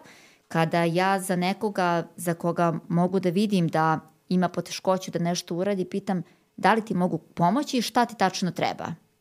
Jer usiljena inkluzija da ja odlučim šta tebi treba kontraproduktivna. Je po meni problematična, mm -hmm. a ako dozvolimo nekome da sam postavi svoje granice gde mu je potreba da ga neko dodatno uključi, podrži i pomogne mu da bude prihvaćen, da ne bude diskriminisan, da se manemo stigme i slično, to bi pomoglo. Ali mi moramo prvo učiti da komuniciramo. Mislim da smo tu negdje ovaj, nažalost, začetnici takve komunikacije – gde su ranije govorili da su osobe invalidi, ovaj, baš tako, ono, invalidi retardi, a sad kaže osoba sa invaliditetom. I meni to stvarno zvuči mnogo korektnije. Ja sam pre svega osoba, yes. možda imam neki invaliditet, možda nemam, ali nemoj mi reći invalici, mm. nego osoba sa određenim stepenom invaliditeta i onda i tim osobama bude ovaj lakše. Opet kažem, to je ozbiljna tema yes. i ta komunikacija tek treba da uđe u sve sfere života. Treba da uđe u vrtiće, u škole, ali I ne na ovaj način, mi smo inkluzivna da, škola. Da, da. A i Eto. porodica prvenstveno treba da se oslobodi, da komunicira, jer često tu na početku, opet pričam iz ličnog uh, iskustva, bude, ja ćuti, bit će bolje, nemoj ništa da pričaš. Sva sreća, ja, ja razumem tu stranu, naravno, jer svi se nadamo, ali moram da pričam. Moram da pričam jer tako dolazimo do nekih rešenja i to je prvi korak iz mog ugla i generalno da se uh, porodice osnaže da pričaju, naići ćemo na svašta nešto loše i kada komuniciraš i naravno ja uvek pre nego što pričam ja pitam roditelje za dozvolu, dali su mi da mogu da pričam iz svog ugla. Um, tako da polako, ali sigurno. Evo i mi na neki način radimo na tome, mravljim koracima, ali idemo napred nekako. To, samo što razgovaramo o ovom. Da, I što će ljudi da poslušaju. Da, da, to mi je ovaj, onako skroz dodatna podrška ovom našem aktivizmu roditeljskom kroz udruženja i mislim da je negde ovo što vi radite e, dodatna podrška i vašoj struci, jer um, i oni se suočavaju stvarno sa izazovima Ogromnim, da. I ja sam tu između, bila između struke i pacijenata i baš jedno vreme sam bila ekstremno ljuta na, na a, čak bih jednom, čak bih rekla i na zdravstvene radnike dok nisam shvatila o čemu se radi, kad sam shvatila da zdravstveni sistem nije isto što i zdravstveni radnici i baš sam primetila oni su prezauzeti, pritom nemaju dovoljno a, ni kapaciteta, državno nema šanse, a, to je jednom u dva, tri meseca i to oni stvarno žele da pomognu, ali nekad je nemoguća misija. Tako da razumem i njih, samo eto ima i lekara koji se baš interesuju i koji su uh, Da, idu u to tom sam htjela nekom da kažem smjeru. da imamo sjajne pojedince. Da. Imamo sjajne pojedince u zdravstvenom sistemu, od primarnog do tercijarnog nivoa zdravstvene zaštite, stvarno sjajne ljude, sjajne Da. eksperte. Imamo sjajne pojedince i u obrazovnom sistemu. Imamo sjajne pojedince u sistemu socijalne zaštite. Ali u globalu Sistem. sistem nije dovoljno dobar, jer ako počiva na pojedincu, vi kada isključite tog jednog pojedinca, taj sistem neće biti dobar. I to nije samo na zdravstvenom sistemu, kada pogledate velike korporacije, ako se ovaj veliki dio posla prenese na jednog super genijalca pojedinca koji vuče i radi, ako izmaknete njega, taj sistem se zaklima, znači da nije postavljen na stabilnim nogama, tako ovaj, bih ocijenila i, i naš sistem, ali uprkos tome što generalno je loša situacija, nekako želim da iskoristim ovu priliku da ukažem na to da stvarno ima sjajnih ovaj, pojedinaca da. i sjajnih porodica i ovaj, tih redkih ptica koji se genijalno nose sa tim što im je život nametnuo.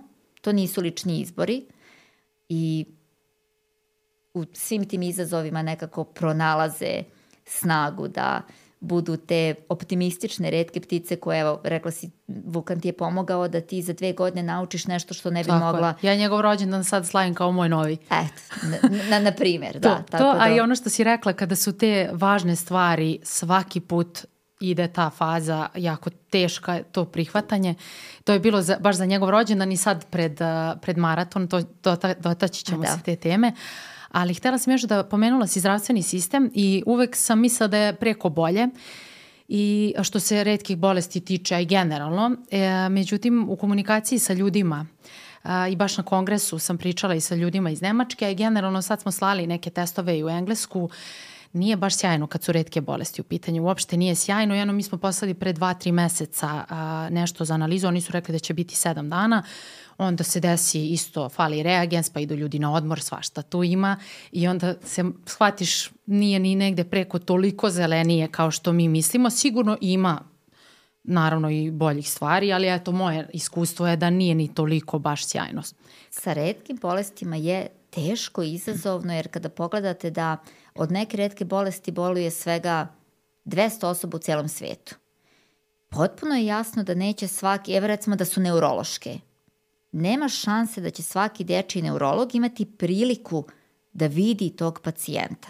To je kao da očekujemo da ste vi tokom studiranja svako slovo iz svakog učbenika naučile i zapamtile i niste sebi dale priliku da zaboravite jer nije jednostavno sad nije moj teren pa ne mogu, on nije jednostavno kao analgin koji svakog dana u apoteci će neko doći da kupi analgin i nekako ne, ne, ne možete dozvoliti sebi da zaboravite čemu služi i šta je analgin, ali za neke druge stvari sigurno u tom momentu ne znate. Tako isto recimo deči neurolog, neki za čitavu svoju karijeru neće vidjeti dete koji ima redku bolest.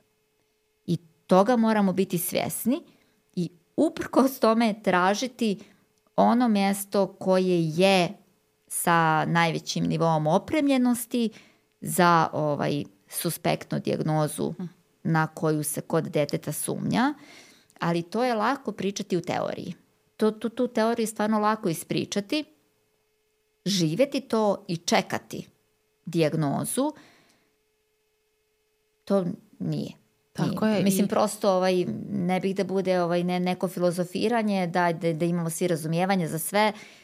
To čekanje da vam neko potvrdi jel dijete sutra živi ili ne živi, to vam se uraže i to nekako nosite kao, kao pečat koji sve i da se sutra potpuno preokrene, da sutra to dete procveta i da sve ovo prethodno, sve te zdravstvene tegobe padnu u zaborav, nose roditelji nešto ovaj, posebno, to je i meni trenutno mm, neobjašnjivo, jer recimo sa porodicama koji su prošle sličnu priču, ja se tako lako povežem na prijateljskom nivou, na nivou razumijevanja nekog uh, posebnog, bez obzira što smo možda posebno pojedinačno drugačiji kao ljudi, da imaju skroz drugačije interesovanja od mene, da se ne bismo nikad susreli, ali to vas tako nekako ovaj, da vam neku prepoznatljivost, ne, ne znam, to na primjer ne, ne mogu još uvijek da objasnim odakle nam to.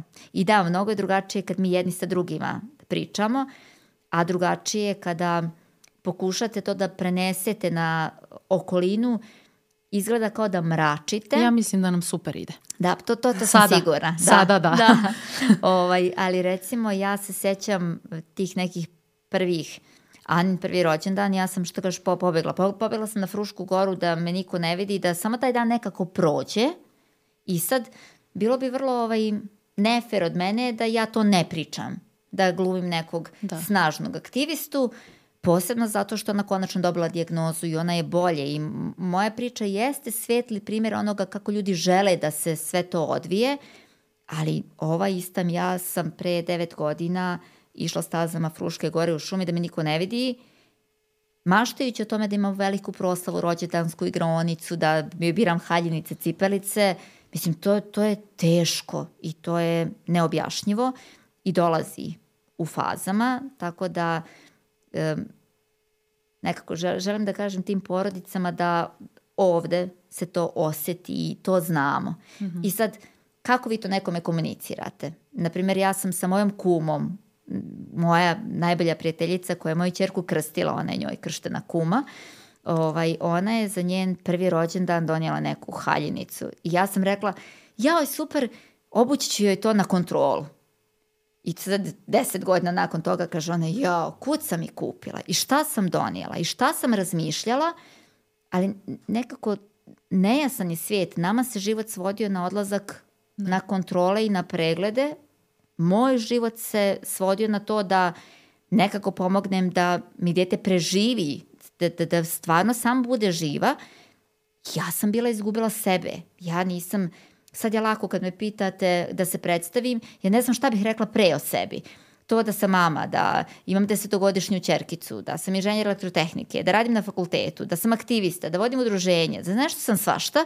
Pre deset godina ja, ja nisam znala da krenem sa odgovorom na to pitanje, jer to kakva sam mama nisam volila, ne, nekako te, nisam prihvatala da imam dijete koji ima tako ozbiljan zdravstveni problem i da se identifikujem kao mama mi je donosilo tugu. Kao, ok, mama sam, ali nije, nije mi Da. drago. E, prestala sam da radim zbog nege deteta i pet godina nisam imala svoje profesionalno napredovanje, a ja svoj posao volim, ja sam uvijek maštala da ću biti žena od karijere, da ću... I onda mi to bilo blokirano. Onda sam prestala da izlazim, da se družim. Pet godina oko mene se dešava nešto u paraleli, a ja samo brinem o detetu. I, ovaj, i u, u tom periodu ja nisam znala ko sam. Dakle, ono, pomoći roditeljima da izađu iz toga, da kažu ko su i upravo pomenuti krugovi prijatelja, rodbine se uključuju, ali treba znati da, da ih uključimo na neki način da njima bude jasno, da mogu da pomognu, da ne pobegnu i da možda ne dođu sa sjajnom haljenicom na prvi da, rođendan. Da, ali da. Ali i, i to je okej. Okay. Da, Svi da. imamo pravo da ovaj da uradimo grešku i posebno ako je zbog neke nejasne komunikacije, ja sam u tom periodu bila takva da ja sama sa sobom nisam mogla, tako da mi nije mogla prići sestra, mama, suprug, ni, ništa, to je bilo ovaj, vrlo I kažem, kad, kada u si, teoriji je lako, ali u praksi. Da. Kada si pomenula taj, tu okolinu i sve, a, vi kao roditelji imate najveći pritisak i često a, najbliža okolina mnogo pritiska u to, u to u smislu nekom hajde što niste ovo, hajde može još ovo. Ja sam bila ta koja je to radila. Na neki možda, kao pošto sam tebe jako brzo upoznala Uh, posle toga i prestala sam to da radim, ali kao oni mogu više, oni mogu bolje, ja znam da mogu, međutim onda sam shvatila da to nije dobra opcija i posle smo i pričali o tome i generalno, mislim, ja nikad njima nisam takve stvari govorila, ali sam očekivala i onda se to osjeća jako u atmosferi mm -hmm. i u mhm. razgovoru. Ne moraš ništa ni da kažeš, oni se osjećaju već pod pritiskom samo zato što im se to dešava. I to i bake i deke često pritiskaju nesvesno, iako ono, imaju na, mnogo ljubavi, ali generalno da nauči ta najbliža okolina kako da se ponaša i a, da bude tu. I nekad je sasvim dovoljno samo da ostanu tu, ništa više, ništa manje, nikakvi saveti, a, ništa, ništa, ništa, samo ostanite tu, budite tu, ako treba naći, mislim, osoba uglavnom kad je spremna traži pomoć. Na kraju, ali to je najveći tu da se ostane. Jer to što kažeš, ne znaš kako se ponašaš, a, zatvoriš se, čao, ne želim ništa, samo ću sedim da istražujem, a, kažem ja sam to tako se ponašala, mogu da zamislim. da, to. E, I onda, da, to i meni često kažu, pošto ja mnogo istražujem na tu temu i nekad isto ne jedem, ne pijem, zaboravim sve pa onda doživim neke ono svoje padove i onda shvatiš kao da moraš da se naučiš da nađeš balans. Meni je malo teško zato što i sa zdravstvene strane mi je teško zato što ja toliko uđem u dubiozu da se toliko opteretim. Tako da mera mora da postoji balans. Mer, da, balans, I onda, to je divna reč.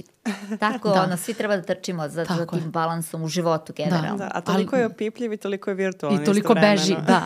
Ali ja sam rešila kad sam sa Vukanom, ja sam tetka, ne zanima, ne pitajte me ništa i nema pred njim da se priča diagnoza. Jednom sam se samo smejala, čitala sam naglas neko istraživanje pred mojim roditeljima i pred njim, on se toliko smejao. Ja kažem, ovo dete je genijalac u najavi, on to, mene to. razume skroz, rekao budući farmaceut, mada bit će nešto bolje. Pa dobro. Ja bih želela samo da se zahvalim obima što ste podijelila ovo, jer čini mi se da je pogotovo roditeljima u takvim situacijama jako teško da da pokažu tu slabost i ranjivost i to da mislim da ono kada si roditelj kao teško je da kažeš mm, ono, zašto se meni ovo dešava, zašto ja ono kao nemam taj, taj Ili zašto obećani on? život. Zašto da, to dete? Zašto moje zašto dete, nije to da. kao, zato što roditeljstvo ono prikazuje kao najveći blagoslov što i verujem da jeste. Ali s druge strane kada najđu ovakvi izazovi, ti dalje moraš da državaš tu fasadu da ja sam jak, ja mogu, mi ćemo ovo da preguramo, a to je toliko teško. Da, ovaj, da postoji priručnik za roditeljstvo i da je jasan, ja nisam sigurna koliko bi se ljudi odlučilo da taj da. korak, da, znajući šta ih sve čeka, jer da, o, mislim, bolest je naravno jedna od posebno osjetljivih tema i jeste teško, teško je uh, ne pitati se zašto, a teško je ne kriviti sebe ako se pitaš. Jer ono kao gde je sad tu neka životna pravda i nešto, ali to sve kreće iz nekakvih naših ovaj, uverenja i očekivanja. Svi mi očekujemo divnu, zdravu, srećnu decu, ovaj, a meni je, na primjer, ovo pomoglo, ja mislim, da budem bolji roditelj. Jer pola stvari o nekom zdravom roditeljstvu ne bih znala da mi nije dato malo izazovnije roditeljstvo i onda me isto tako najviše interesovalo kako ja mogu mom detetu pomoći da razvije svoje maksimalne kapacitete. Mislim da čak ovakvu terminologiju da sam dobila tete tipičnog razvoja, ne bih čak osvijestila ni sam termin. jer ja sam maštala ovaj, dok je ona još mala, ja ću da spremam ispite, da završim doktorat, kao ono, super bebica lepo mirno spava, ja genijalac nastavljam da učim, ništa se od toga nije desilo, ali kažem, to je stvarno bilo nerealno očekivanje. Nekako sam vrlo naivno mislila da to tako može i ovaj, jeste roditeljima teško, ali isto tako su, ne znam, u krizi verovatno i roditelji čija deca izaberu nekakve poroke, zavisnosti. Pa generalno mislim, da je svako roditeljstvo izazovno. Zato hoću da, da kažem, ono kao bez... roditeljstvo, kao takvo, ovaj, je za poseban podcast da, i posebno da, ovaj, ozbiljnu celodnevnu temu, ali da, da, ovaj, i ono što se nismo dotakli, ja nemam lično iskustvo, ali i braća i sestre Tako je. dece koje ovaj, imaju redke bolesti ili neke smetnje u razvoju, su isto pod nekom posebnom lupom i, i njima treba podrška, jer oni su ti koji su vrlo uključeni, koji od starta nekako su empatični i neke istraživanja pokazuju da oni vrlo često završaju nekim pomažućim profesijama. Jer valjda odrastaju sa tim i to je njima prirodno i imaju tu Tako želju, ovaj, ali sad Pa da, evo to... mi imamo primer, so, Vukan ima sestru Sofiju i ona je legendica ozbiljna. Da. ona je tri godine starija od njega i baš se vidi da je empatična i tako da, u dve godine, pardon. Da. I vidjet ćemo kako to bude odrastala, ali već vidim da je apsolutno, uh, da kažem, snalažljiva, prilagođava se, generalno obožava svu decu i s njim isto jako pažljiva, nekad ga malo čvrkne kao i svako dete, ali ništa strašno. To, okej. Okay. da. Ali možda je budući fizioterapeut, da. logoped, nešto je, je možda Ja kažem farmaceut, ali onda shvatim kao, aj možda bolje ne. Pa ja ne znam, možda ti možda nekoliko puta si pomenula, ali ovaj, da li možda jedna od vas dve može da nam da uvid kako redke bolesti zvuče sa strane farmacije? Ja sam pričala mnogo o roditeljstvu, dotakli smo da. se i struke, ali Hoćeš ovaj, prvo nismo, ti, Jovana, iz tvog iskustva nismo rekli nekog. kako to zvuči ovaj, baš sa strane farmacije, mi kao pacijenti i roditelji čekamo razvoj magičnog leka i hoćemo da to bude sada i odmah. A šta nam vi kažete? Pa, nas bi radimo u kliničkim ispitivanjima lekova i prosto kliničke ispitivanja lekova su jedan jako spori, zahtevan proces i generalno je mnogo lakše kada se razvijaju lekovi za bolesti od kojih, nažalost, pati puno ljudi.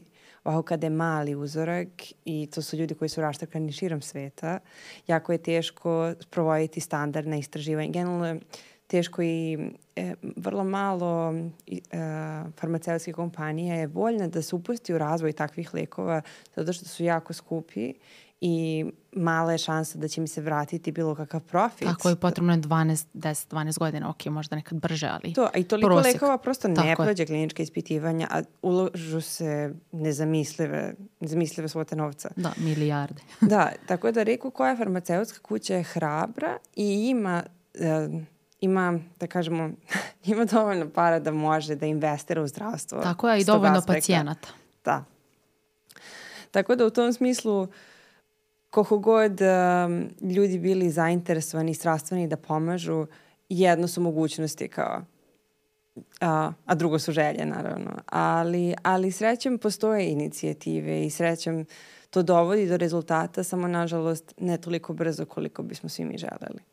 Tako je. I onda, i što se tiče obične terapije, kada i dođemo do dijagnoze, ti znaš kako je to nezgodno, jako je teško a, primiti tu terapiju zato što to su prvo bolesti za koje nema. Onda lekari se snalaze, pa onda daju neku terapiju, pa to uglavnom ne, ne postoji farmaceutski oblik za to dete.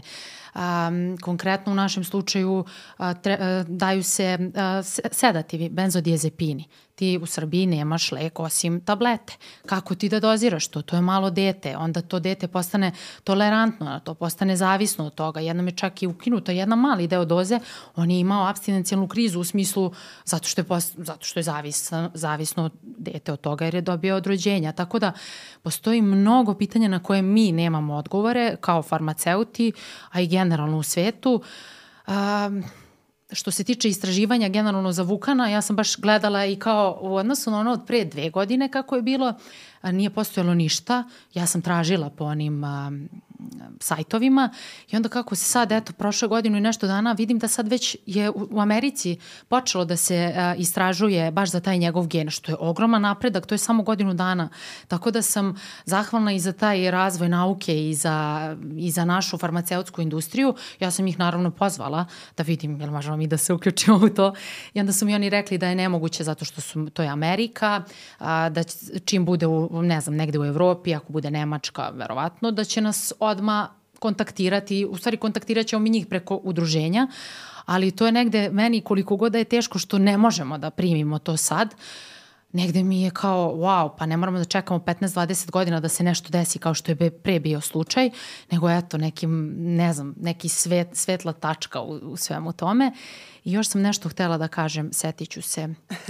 Da, ono što mi kao zdravstveni radnici možemo da uradimo kao farmaceuti i svi ostali, uh, jeste da saslušamo drugu stranu. Mislim da tu isto postoji nerazumevanje i nikad ne znaš ko stoji preko puta tebe i onda treba kao zdravstveni radnik da sačekaš, da saslušaš, jer ja sam nailazila na razne slučajeve, pritom imam jako puno strpljenja i, i svega, ali bilo je neprijatnih situacija sa kolegama gde se meni negde i moj ružičasti svet srušio, jer je te vaš farmaceut i kao nailazi na nerazumevanje od drugih kolega, međutim shvatila sam da je neznanje u pitanju I da, ono što možemo, da apelujemo na zdravstvene radnike da se informišu. Ne moraš sve da znaš, nije to samo kaži ne znam, proverit ću ili ja stvarno ne mogu to da znam i to je to. A ja sam nalazila na razne ovaj, slučajeve. Mislim, verujem i ti, ali najteže mi je bilo za benzodiazepine, to kad je ukinuta doza i to je isto neka nedostatak komunikacije, ali jako je teško i ukinuti i smanjiti dozu zato što ne postoji farmaceutski oblik za to i onda roditelji moraju da se snalaze da, ne znam, gule tablete, da rastvaraju to u špricu, ma, bukvalno, ne znam kako bih nazvala, nova disciplina snalaženja baš je onako specifično. Jeste, jeste. I stavljeno je na roditelje. Da, Mislim, to što da. govoriš o tim farmaceutskim oblicima da. i to sad ono, tableta od 100 mg, njemu za težinu treba da. 3 mg. Da, tako, da, mislim, tako ne, nemoguće. Je. I snalazimo se. Da, znam, znam, znam, sve, ovo, isto to radim, ali ovo što ste rekli o kliničkim istraživanjima, uh, osobama sa redkim bolestima to nekako zvuči kao ono, ostvarenje sna. Stiže klinička studija da. i mi, ne farmaceuti, to doživljavamo kao evo ga, to je konačno lek. Sad samo treba da bez znanja o tome da Možda tek neki procenat kliničkih istraživanja će u stvari rezultirati registracijom leka za baš tu indikaciju, Tako pa onda tek koliko godina treba da prođe da se pokaže da li stvarno ima ikakvih ili nikakvih nus pojava koje nisu razmatrane, jer je to pedijatrijska populacija. Nekako toliko ima pitanja, a opet neko reklamiranje kao što što nekakva različita nadrilekarstva, tako isto ono dočekivanje bilo kako dizajnirane kliničke studije koja može da našteti ako se ono srlja, to je negdje ovaj pitanje, a mi, na primjer, ne, stvarno ne možemo da dosegnemo do tog nivoa. U kliničkim studijama naučimo ono četiri faze. Da, da, da, Mislim, da, da. mi roditelji postanemo odjednom štreberi pa gledamo šta koja faza nosi i da, kada stigne do pacijenta, vjerujemo da je dovoljno ispitana i bezbedna, ali je vrlo pitanje koliko će stvarno na tog pojedinca delovati, delovati koliko će biti dobar efekat, koliko ti roditelji su sposobni da razumeju da. E, saglasnost, da, da će neko dobiti kontrolu, je, a neko pravi lek. Apsolutno, kad im kažete ono da postoji neko ko će dobiti placebo. E pa ali zavisi kakva je bolest. Zavisi da, i kako da, je da, dizajnirana da, da studija. Tako je. I recimo ovaj,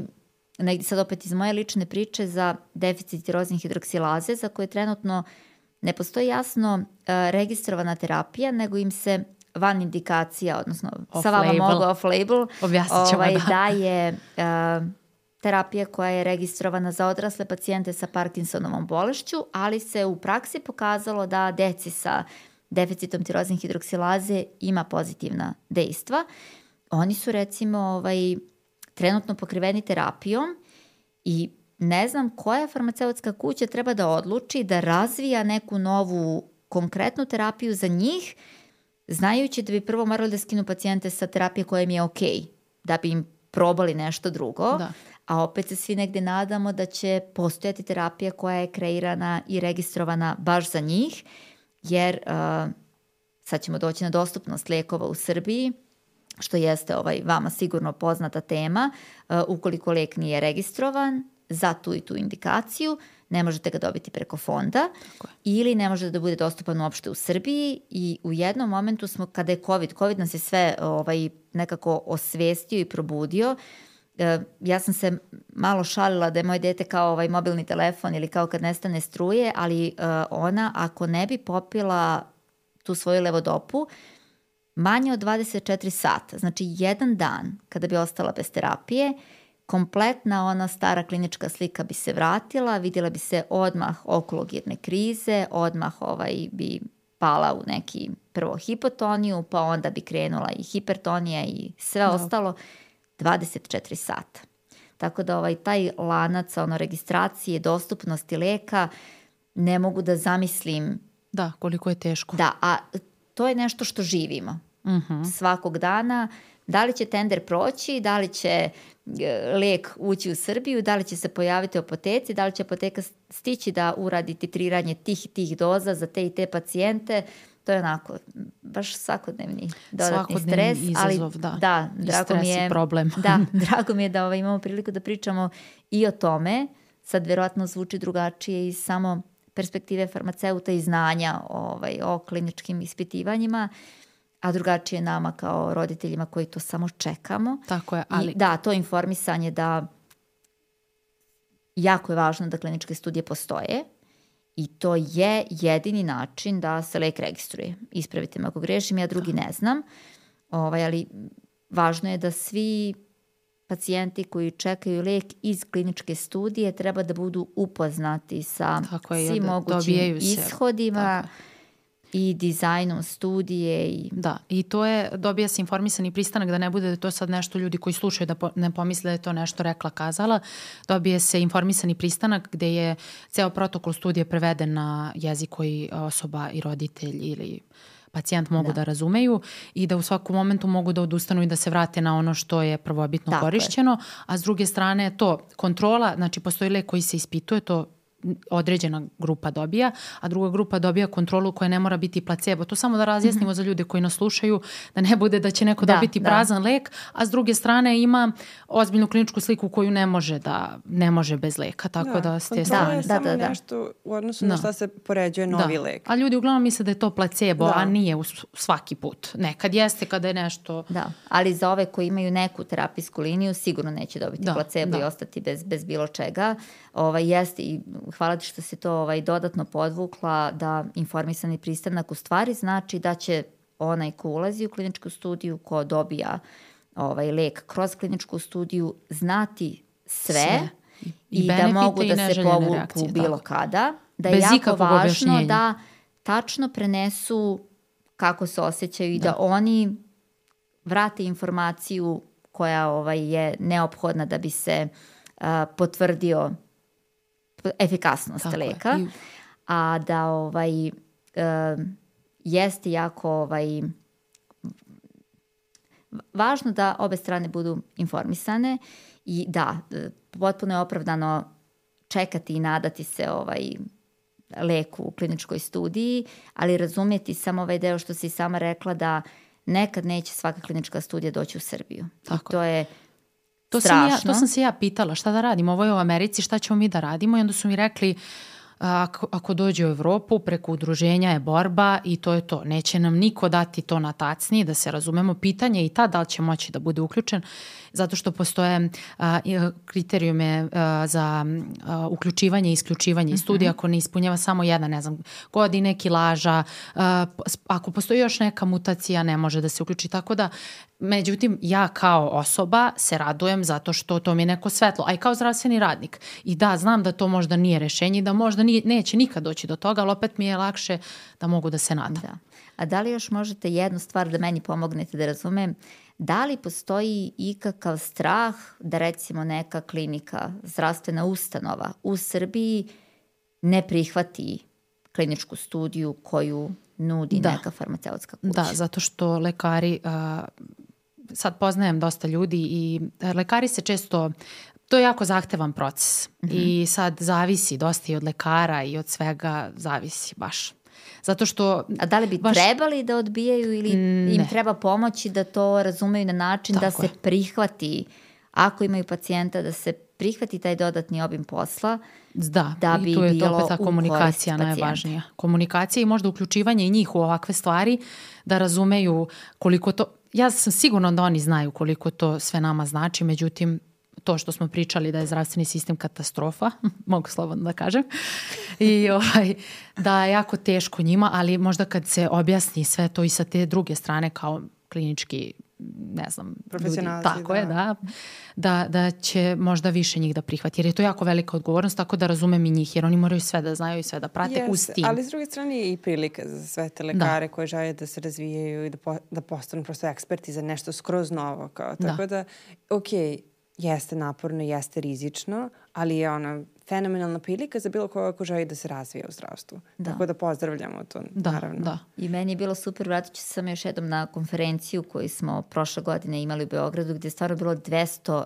eksperata svetskih ovaj, u oblasti neurotransmiterskih bolesti i bila ideja da se okupe na isto mesto kliničari, uh, pacijenti i istraživači. Neko ko se bavi naukom. I meni je pomoglo da razumem koliko je njima važno da vide konačno te porodice, jer ja ih zamišljam ono u laboratorijama, u da. nauci, da. u istraživanjima i onda to nekako daju dalje bez jasnog feedbacka kome je to pomoglo. Znači, oni su mi bili nekako highlight toga koliko da. im je bilo važno da upoznaju porodice i koliko su onda oni više motivisani da nastave da se bave ovaj naukom, jer nekako pričali smo o lekarima, o farmaceutima, a mislim, naučnici, istraživači, da, da, nekako su onako ostali malo um, Svaka u pozadini. Ovaj. hvala pa, mnogo. To hoću da kažem da nalazimo načine i da oni budu motivisani da uh, što pre ta istraživanja nekako stignu, imamo veće šanse da i oni vide pozitivne rezultate. Ali bilo je baš živopisno na kongresu. Sećaš se one situacije kada je bilo ono gde je jedna mlada naučnica predstavljala slučaj pa je doktorka ona onako bila malo A što, to je Jest. baš ovo što smo mi pričali sad, ovo, imamo nadu, nadamo se klinička istraživanja i onda kao nikom ništa i onda se čovjek razočara. Sećaš se te situacije? Sećam se, da. da ovaj, to je, e, bila je situacija da jedna ovaj, mlada naučnica stvarno predstavljala vrlo neki model željno razvoja, onako puna entuzijazma, a u publici je bila doktorka koja jeste stvarno vrhunski ekspert i ima 20-30 godina praksi iza sebe, ali ovaj nije izabrala najbolji način komunikacije. Doktorka. Doktorka. Slažem da, se, da jer je možda uništeno. Mnogo, mislim, prvo to je moglo da ostane i da razgovaraju kasnije, da joj pomogne svojim uvidom da, da, da joj možda da. otvori ovaj, neke perspektive koje mlada naučnica nije imala, ali nije, nije doktorka izabrala. Baš je napala u prevodu. Ovaj, da, pa dobro, da, nije, nije izabrala uh, pravi način komunikacije, ali da, A, oni dobar je nisu... primjer bio za nas da učimo. Eto, Tako mislim. je, samo što ovaj, ako ćemo da govorimo o primjerima dobre komunikacije, teško da ćemo doktore staviti Tako je. veoma visoko. Da. Vrlo je neobično koliko ovaj, I u ličnom pa iskustvu. kako, kako uopšte komuniciraju. Sad, da. ne samo to napada, ono, agresivnosti mm. ili ovaj, asertivnosti, već uh, njihovog podrazumijevanja. Sad, ovo je nešto što nema veze sa redkim bolestima, ali kad imate dete, kada vodite kod pedijatru, oni vas pitaju da li je dete febrilno.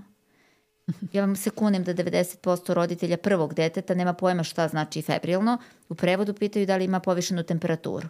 Ali to njihovo podrazumijevanje da svi znaju terminološki šta oni hoće reći je ovaj nešto što stvarno na, na nekom bazičnom primjeru govori o tom njihovom stilu komunikacije koji je vrlo onako Stručan. ukalupljen. Da, ukalupljen, da. Baš ima i neki svoj bubble. Ali nisu svi takvi, ima, Tako. ima finih primjera, ali jeste bilo ovaj, i to negdje za uvid da o komunikaciji možemo u svim segmentima da, pričati. Da, da. A i to generalno i kad komuniciramo nauku isto jako oprezno zato što eto može da se desi da to, pošto je bila poenta da je to što je celo istraživanje primenjivo na a, životinjama, na miševima trenutno i da nekako doktorka ne vidi da je to a, da će biti moguće za ljude, ali samo način komunikacije bio baš grozan. Da, Mogu da. slobodno da, da kažem. a sad ću se vratiti, mislim vratit ćemo se na ovo sa početka kada smo otvorili priču i kad smo rekli ti si redka ptica i ti to komuniciraš kroz, rečenicu ja sam redka ptica i onda me pitaju šta to znači I i, kažeš da. šta je to. Ovaj, to je isto jedan važan i dobar alat komunikacije Da. gde ovaj, evo, tako smo počeli, čini mi se da, da u tom ovaj, stilu i zatvaramo, naći način kako se komunicira redka bolest, kako se to komunicira u različitim krugovima, roditeljima, ekspertima, naučnicima ovaj, i kada bi svi tu poradili na našim vještinama, ja vjerujem da bi bilo ovaj, mnogo manje nejasnoća i da bi bilo boljih Tako, rezultata. Vidim, ti tu radiš veliku stvar, samo Ja, hvala ti. Da, da, pa hvala ti na feedbacku, ja se stvarno ovaj, trudim da... Uh, meni su recimo roditelji jedno vreme govorili, što ti pričaš kao doktor? Ja kažem, pa ne, ne pričam, ali sam shvatila da sam ja terminološki toliko postala Meni je jako važno iz neke moje lične želje da ja to razumem i znam i onda ja jako puno učim, ja to čitam, ja, eto, meni je to jedan vrlo neobičan hobi, kao učim iz hobija, Da. Ali ovaj, da, važno mi je da mogu sa svim tim stranama da nađem način komunikacije i te napade i uvrede ne volim. Mislim da nisu Da, da, nikome isto, ovaj, isto, donijeli dobro i da to možemo pokušati drugačije. A ja tebe percipiram od kad sam te upoznala kao osobu, ovako ja, znam, i ovako te predstavljam drugim ljudima. E, Ivana je osoba koja je završila elektrotehnički fakultet i zna mnogo više o lekovima od mnogih mojih kolega i o zdravstvu i sve to i više se trudi. To je moja Joj, viđenje. hvala ti, hvala ti puno. Tako, kad smo već pominjali, e, pričamo, ti znaš toliko svemu tome, a koja je tvoja karijera primarna? To smo totalno potisnuli i želim sad da, Da, da, da, pa i tu u, stranu. u ovom momentu ovaj, i u ovim Nije pričama toliko, stvarno nije, da, nije važno, ali, ali da, ja sam master inženjer elektrotehnike, radim na Fakultetu tehničkih nauka u laboratoriji za geoinformatiku, a pre uh, Aninog rođenja sam radila u nastavi, bila sam asistent i uh, to prenošenje znanja je nešto što je meni prijalo, što sam volela. Sticajem okolnosti, te moje doktorske studije nikad nisam završila, okolnosti su rođenje deteta, suočavanje sa dijagnozom, sa liječenjem i slično. I to jeste tu negdje završilo moj karijerni put, ali sam ja izabrala samo da radim na svom razvoju u drugoj oblasti, tako da ne objavljam više naučne radove koji se tiču geoinformacionih sistema, ali učestvujem u pisanju naučnog rada i protokola lečenja deficita tiroznih hidroksilaze, gdje kao roditelj prenosim pacijentsku perspektivu i onda sam nekako tu pronašla ovaj, onaj deo mene koji želi nauku, razvoj, um, edukaciju i slično, ali ovaj, jeste mi vrlo zabavno kada me neko tako predstavlja, jer ja nemam osjećaj, eh, ono, možda niko to nema, kako me neko drugi doživljava.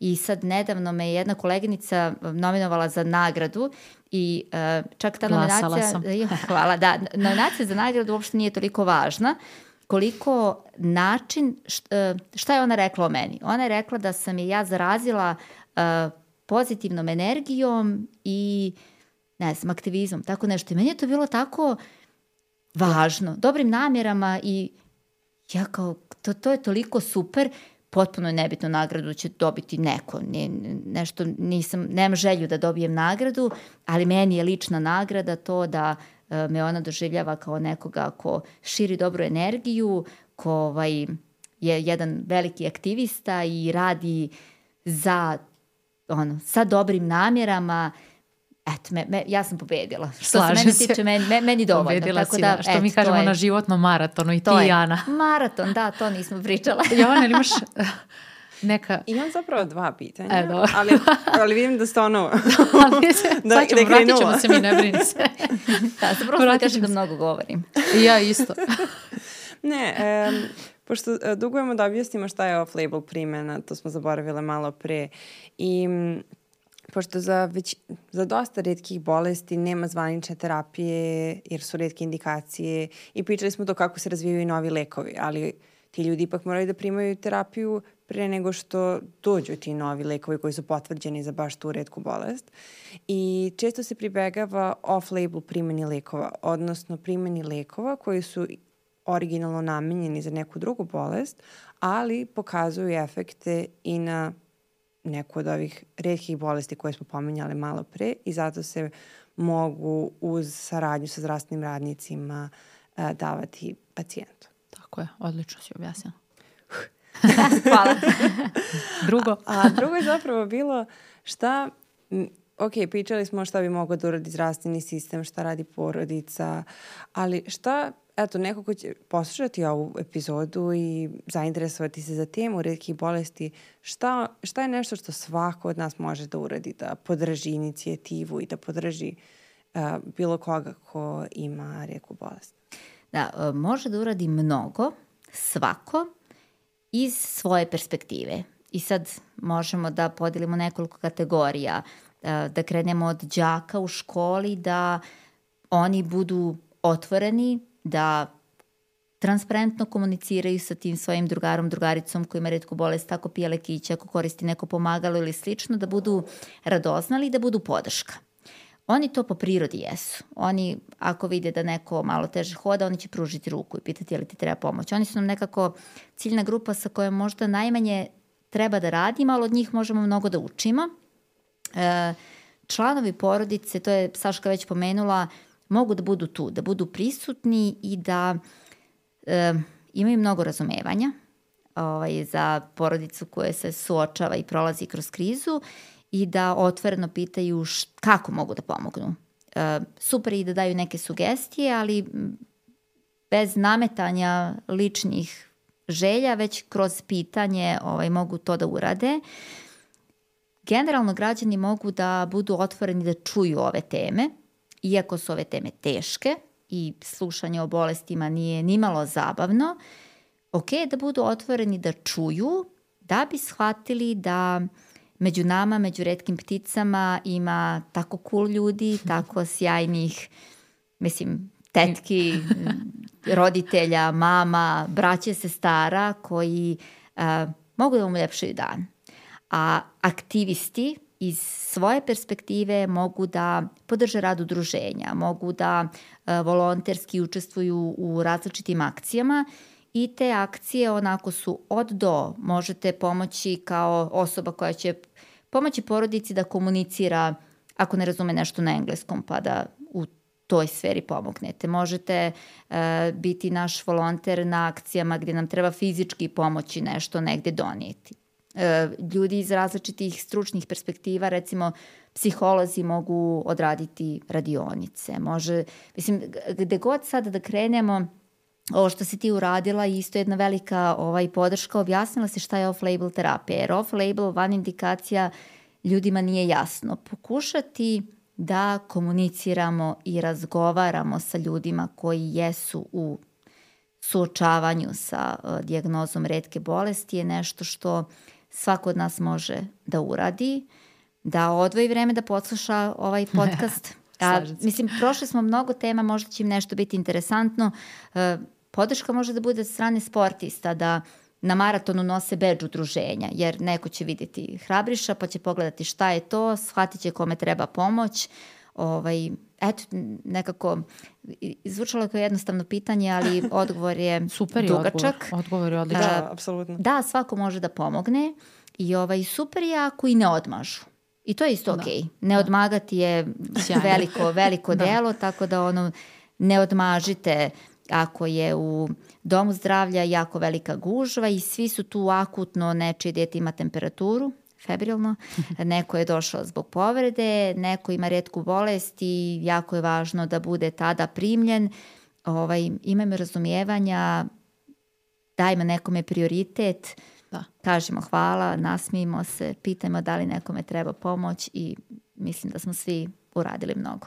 A ako neko želi da podrži baš Hrabrišu, može da pogleda sajt hrabriša.rs, da nas prati na društvenim mrežama, na Facebooku, Instagramu, LinkedInu, u Svuda. zavisnosti od svojih afiniteta i da. želja, tako da ovaj, ukoliko ima pitanja može da nam se obrati ili ukoliko neko ima ideju koje se ja u ovom momentu nisam setila, mi ćemo uvijek rado ovaj, čuti šta neko predlaže, pa Saška i ja smo se tako ovaj, upoznale, tako, tako što je Saška imala jednu ovaj, ideju da podrži ovaj, Hrabrišu učešćem na maratonu, meni to da, zvučalo godine. ovaj, tako dobro, da sam ove godine ja trčala cijela dva kilometra. Odlično. Ovaj, ali za nekog, ako me trčanje nije bilo ni u mislima, ovaj, mislim da je i ona pomogla meni. Tako da trčali smo i Jana i ja i bilo je da. sjajno. I ovaj, idemo naredni put na 10 km. Odlično. Tako da evo, nekako pomažemo se da usvajamo neke zdrave navike i utičemo dobro jedni na to, druge. To, to, to. A kada pominjemo aktivizam, e, imam utisak da ljudi često misle da je to moraju nešto mnogo da urade. Za početak je dovoljno to samo da saslušaju, ništa više i to da, ne, da se ne odmaže. Jer kao, ok, teško je uključiti se ako nisi u tome teško je u početku. E onda kad upoznaš te ljude i kada shvatiš koliko su zapravo cool i koji su to carevi, pogotovo deca, a i odrasli, ali ajde, deca više, izvinjam se. I da, onda, onda to krene nekim drugim tokom. Jer znam ja kad delim te stvari, vidim koliko ljudi ima onako malo i dalje okreću glavu, ali opet je mnogo veći broj ljudi koji se uključuje. I prošle godine ja sam trčala sama, a ove godine trčalo 15-20 ljudi, dosta njih je trčalo polumaraton, a dosta i te a dosta ljudi je samo podelilo. Tako da stvarno tim malim koracima dešava se promena. I tu si ti ovaj, stvarno tvojim ličnim primjerom uh, uradila mnogo za nas, jer nama je kao super kad čujemo da neko želi da nam pomogne. To je ono, da, da. pokazati nekome, nekako pružiti ruku je već pola Tako toga je. da, da, da, ono, pola pomoći. A druga stvar, uh, pošto su tvoja mreža i tvoji krugovi zdravstveni radnici, jako si nam pomogla u ovome čime se mi mnogo mučimo da uh, podignemo svest kod zdravstvenih radnika i saradnika, jer ne mora svako da zna za redke bolesti. To je potpuno ok, ali struka bi trebala i morala da zna. I jako je teško da ja kao, evo treći put ponavljam da sam inženjer elektrotehnike, ovaj, da ja zdravstvenom radniku namećem i da se postavljam u poziciju da ja njega učim. To nije okej, okay. ja to neću raditi, ali nam trebaju, mislim, zdravstveni radnici, saradnici, vi kolegijalno jedni mm -hmm. drugima pričate i to je uh, potpuno drugi profesional, profesionalni nivo komunikacije gde nema ono ja učim tebe, ti učiš mene, nego vi motivišete jedne druge Tako da otvarate neka ovaj, da. nova polja interesovanja i to je jako velika podrška. To hvala i uh, hvala vama što postojite, bukvalno obema, uh, ali ono što si pomenula, uh, tu mrežu ja sam rekla da ne mora da trče direktno za Hrabrišu ako poznaju neko Tako drugo je. udruženje. I jedna moja a, drugarica i koleginica a, Ema je trčala za decu sa ahondroplazijom. Ona je trčala samo ove godine i baš je rekla i zahvalila se i za motivaciju i sve. I oni su svi došli u Beograd i bilo Jest. je puno njih i bilo je prelepo i sigurno sam da će sledeće godine više ljudi da trči. I to je tako neka lep je povod, a, svi su tu, druže se, dobra je atmosfera, dobra je energija, to nije tužno. To je ono što smo prošle godine pričali i razvili prijateljstvo na dru, duge staze. Jeste, to, to, to, to. To je bila tvoja, tvoj slogan. Je bilo ravnopravno do cilja. Tako je, jeste, tako jeste. Je. Naše bilo prijateljstvo na duge staze. Da, i stvarno jeste prijateljstvo jedno veliko i da, i traje, i trajaće i eto, ne znam šta bih dodala, naravno mogla bih da pričam tri dana, ali dobro. Da, to je ono, redke nađu redke. Tako je, da, da, da. Uh, I još jedna stvar, gde ljudi mogu da se informišu, uh, ono što ja znam jeste da NORPS udruženje uh, sada ima besplatan onaj um, informator, Uh -huh. uh, pa eto, ostavit ćemo link za to. Da. Tu ima sad, ne znam, možda ti više znaš o tome. Uh, jeste. Uh, NORPS, samo da kažem šta je, to je um, Nacionalna organizacija za redke bolesti Srbije. To je stvari uh, savez udruženja kao krovna organizacija gdje su sva pojedinačna udruženja koje se bave redkim bolestima čine taj savez i NORBS ulaže izuzetne napore na tom jednom zagovaračkom nivou za sve obolele od redkih bolesti.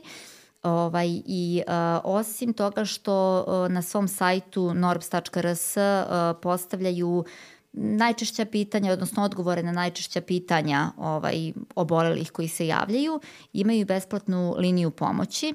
Uh, sve je dostupno na NORBS web stranici, na um, kanalima društvenih mreža, tako da se ovaj mogu kontaktirati i e, sa sajta se mogu preuzeti različiti materijali koji stvarno pomažu. To vam je onako kao vodič za laverint. To su različiti vodiči uh, za uh, diagnostiku, za lečenje, za dostupnost. O tome smo malo govorili, ali ne možemo sve danas uh, i u sistemu socijalne zaštite. Šta se mogu ostvariti osobe koje imaju ovaj, redke bolesti, koja prava, ovaj, i slično, tako da da.